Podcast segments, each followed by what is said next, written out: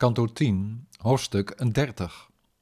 De gopis op zoek naar Krishna, die verdween met Radha. Sri Shuka zei. Toen de Allerhoogste Heer zo opeens was verdwenen, betreurden de jonge dames van Vraja het erg hem niet meer te zien, als waren ze wijfjes-olifanten die hun stier missen. De dames, die in hun harten waren overweldigd door de bewegingen, liefdevolle glimlachen, speelse blikken, charmante praatjes en andere gracieuze gebaren van de echtgenoot van Rama, speelden verzonken in hem daarop ieder van die wonderbaarlijke activiteiten na.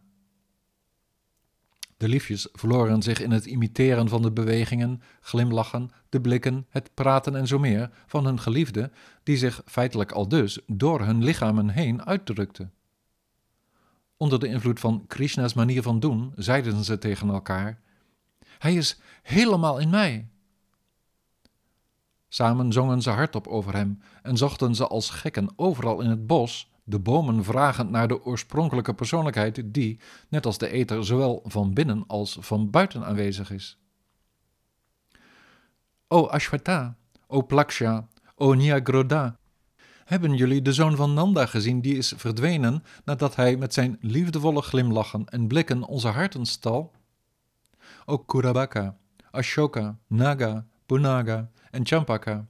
Hebben jullie de jongere broer van Balarama voorbij zien komen, die met zijn glimlach de trots verslaat van ieder meisje dat te hooghartig is? O lieve Tulsi, heb jij, zo vol van liefde voor Govinda's voeten, onze allerliefste Achyuta gezien, die je, met zwermen bijen om zich heen, met zich meedraagt? O Malati, Jati, Yutika en Malika Jasmijn, hebben jullie Madhava langs zien komen, die met zijn aanrakingen jullie in blijdschap verzet?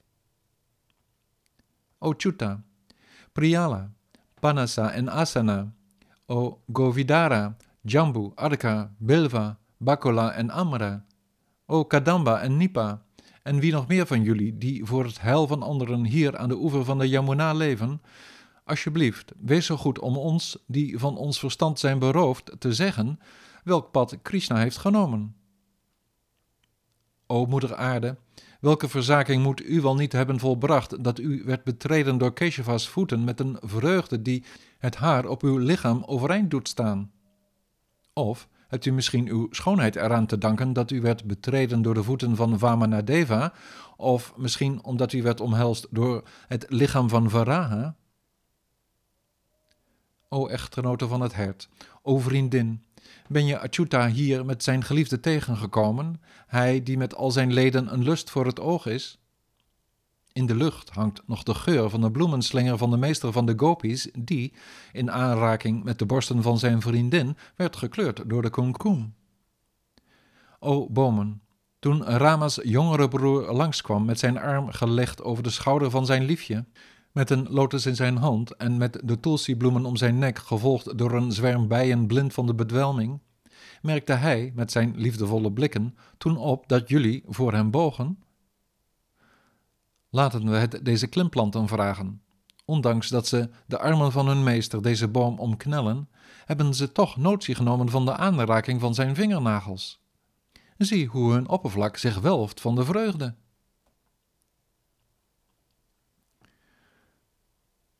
De gopis, die zich al dus dwaas uitlieten, raakten radeloos op zoek naar Krishna, volledig verzonken in hem, toen ieder van hen een bepaald avontuur of tijdverdrijf van de fortuinlijke ging naspelen. Een van hen dronk als Krishna bij een andere gopi die Putana speelde, als was ze een kind aan haar borst, terwijl weer een andere zich opstelde als de kar die door de voet van een andere huilende gopi omver werd geschopt. Een gopi die Krishna nadeed, werd weggedragen door een andere gopi die een daitya imiteerde.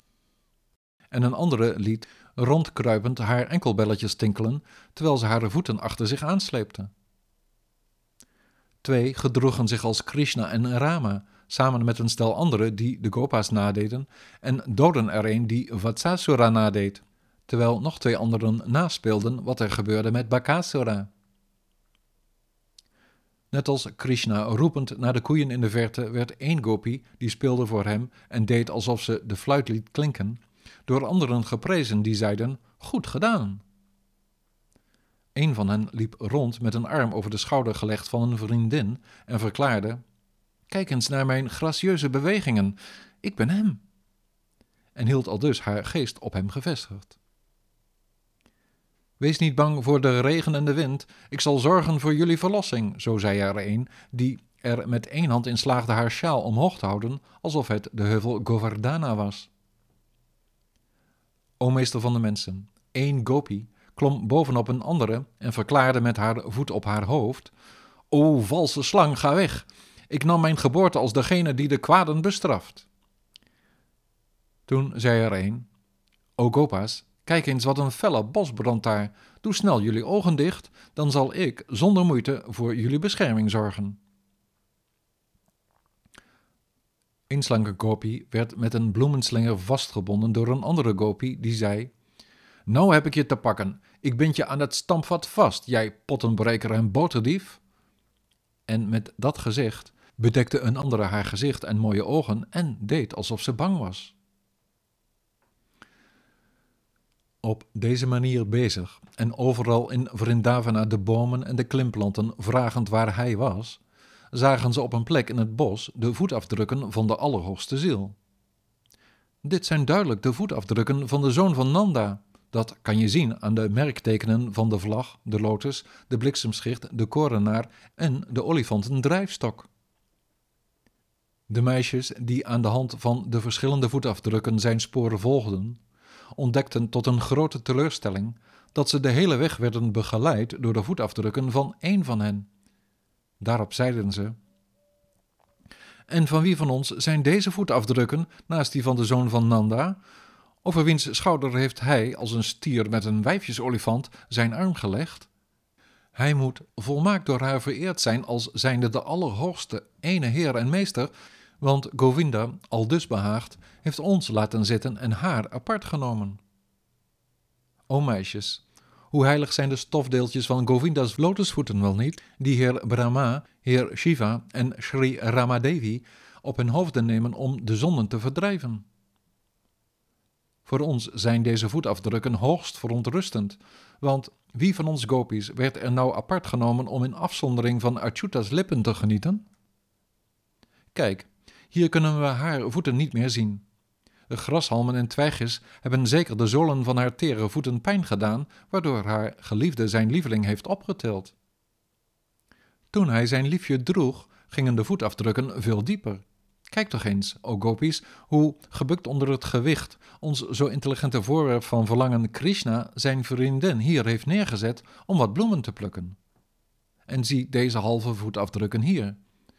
Om bloemen te verzamelen voor zijn beminde liefje, maakte de geliefde deze afdruk door op zijn tenen te staan. Bovendien ging de verliefde vriend, om haar haar te schikken, met zijn liefhebbende meisje precies hier zitten om voor zijn schatje met die bloemen een krans te maken. Sri Shuka zei: Hoewel Krishna volmaakt tevreden, voldaan en onverdeeld was in zichzelf, genoot hij met haar en liet hij daarmee de begeerigheid en zelfzucht zien van mannen en vrouwen die door lust worden bewogen.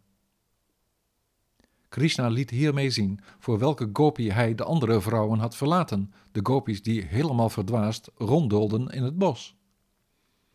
En zij op haar beurt dacht toen van zichzelf: Hij heeft mij, de beste van alle vrouwen, aanvaard als zijn geliefde en de gopis afgewezen die zich laten leiden door lust.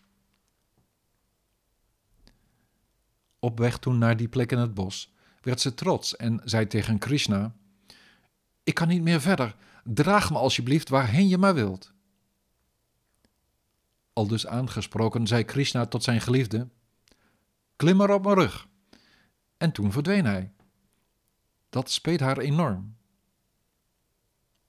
O meester, o minnaar, o liefste, waar ben je nou? Waar zit je? O jij met je machtige armen, alsjeblieft mijn vriend, laat jezelf zien aan mij, je treurende dienstmaagd. Sri Shuka zei. De gopis, die het spoor van de opperheer volgden, ontdekten niet ver daar vandaan hun ongelukkige vriendin in staat van verbijstering over het feit dat ze was gescheiden van haar geliefde. Tot hun opperste verbazing hoorden ze haar zeggen dat ze Madhava's respect had verworven, maar dat hij haar ook had laten zitten omdat ze zich slecht gedroeg.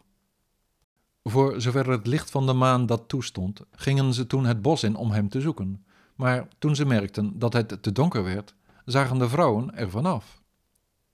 Verdiept in hem, hem besprekend, hem naspelend en vervuld van zijn aanwezigheid, dachten ze, eenvoudig zijn kwaliteiten bezingend, niet langer meer na over hun huishoudens. Terugkerend naar de oever van de Yamuna, mediteerden ze op Krishna, zongen ze samen en wachten ze rijkhalzend zijn komst af.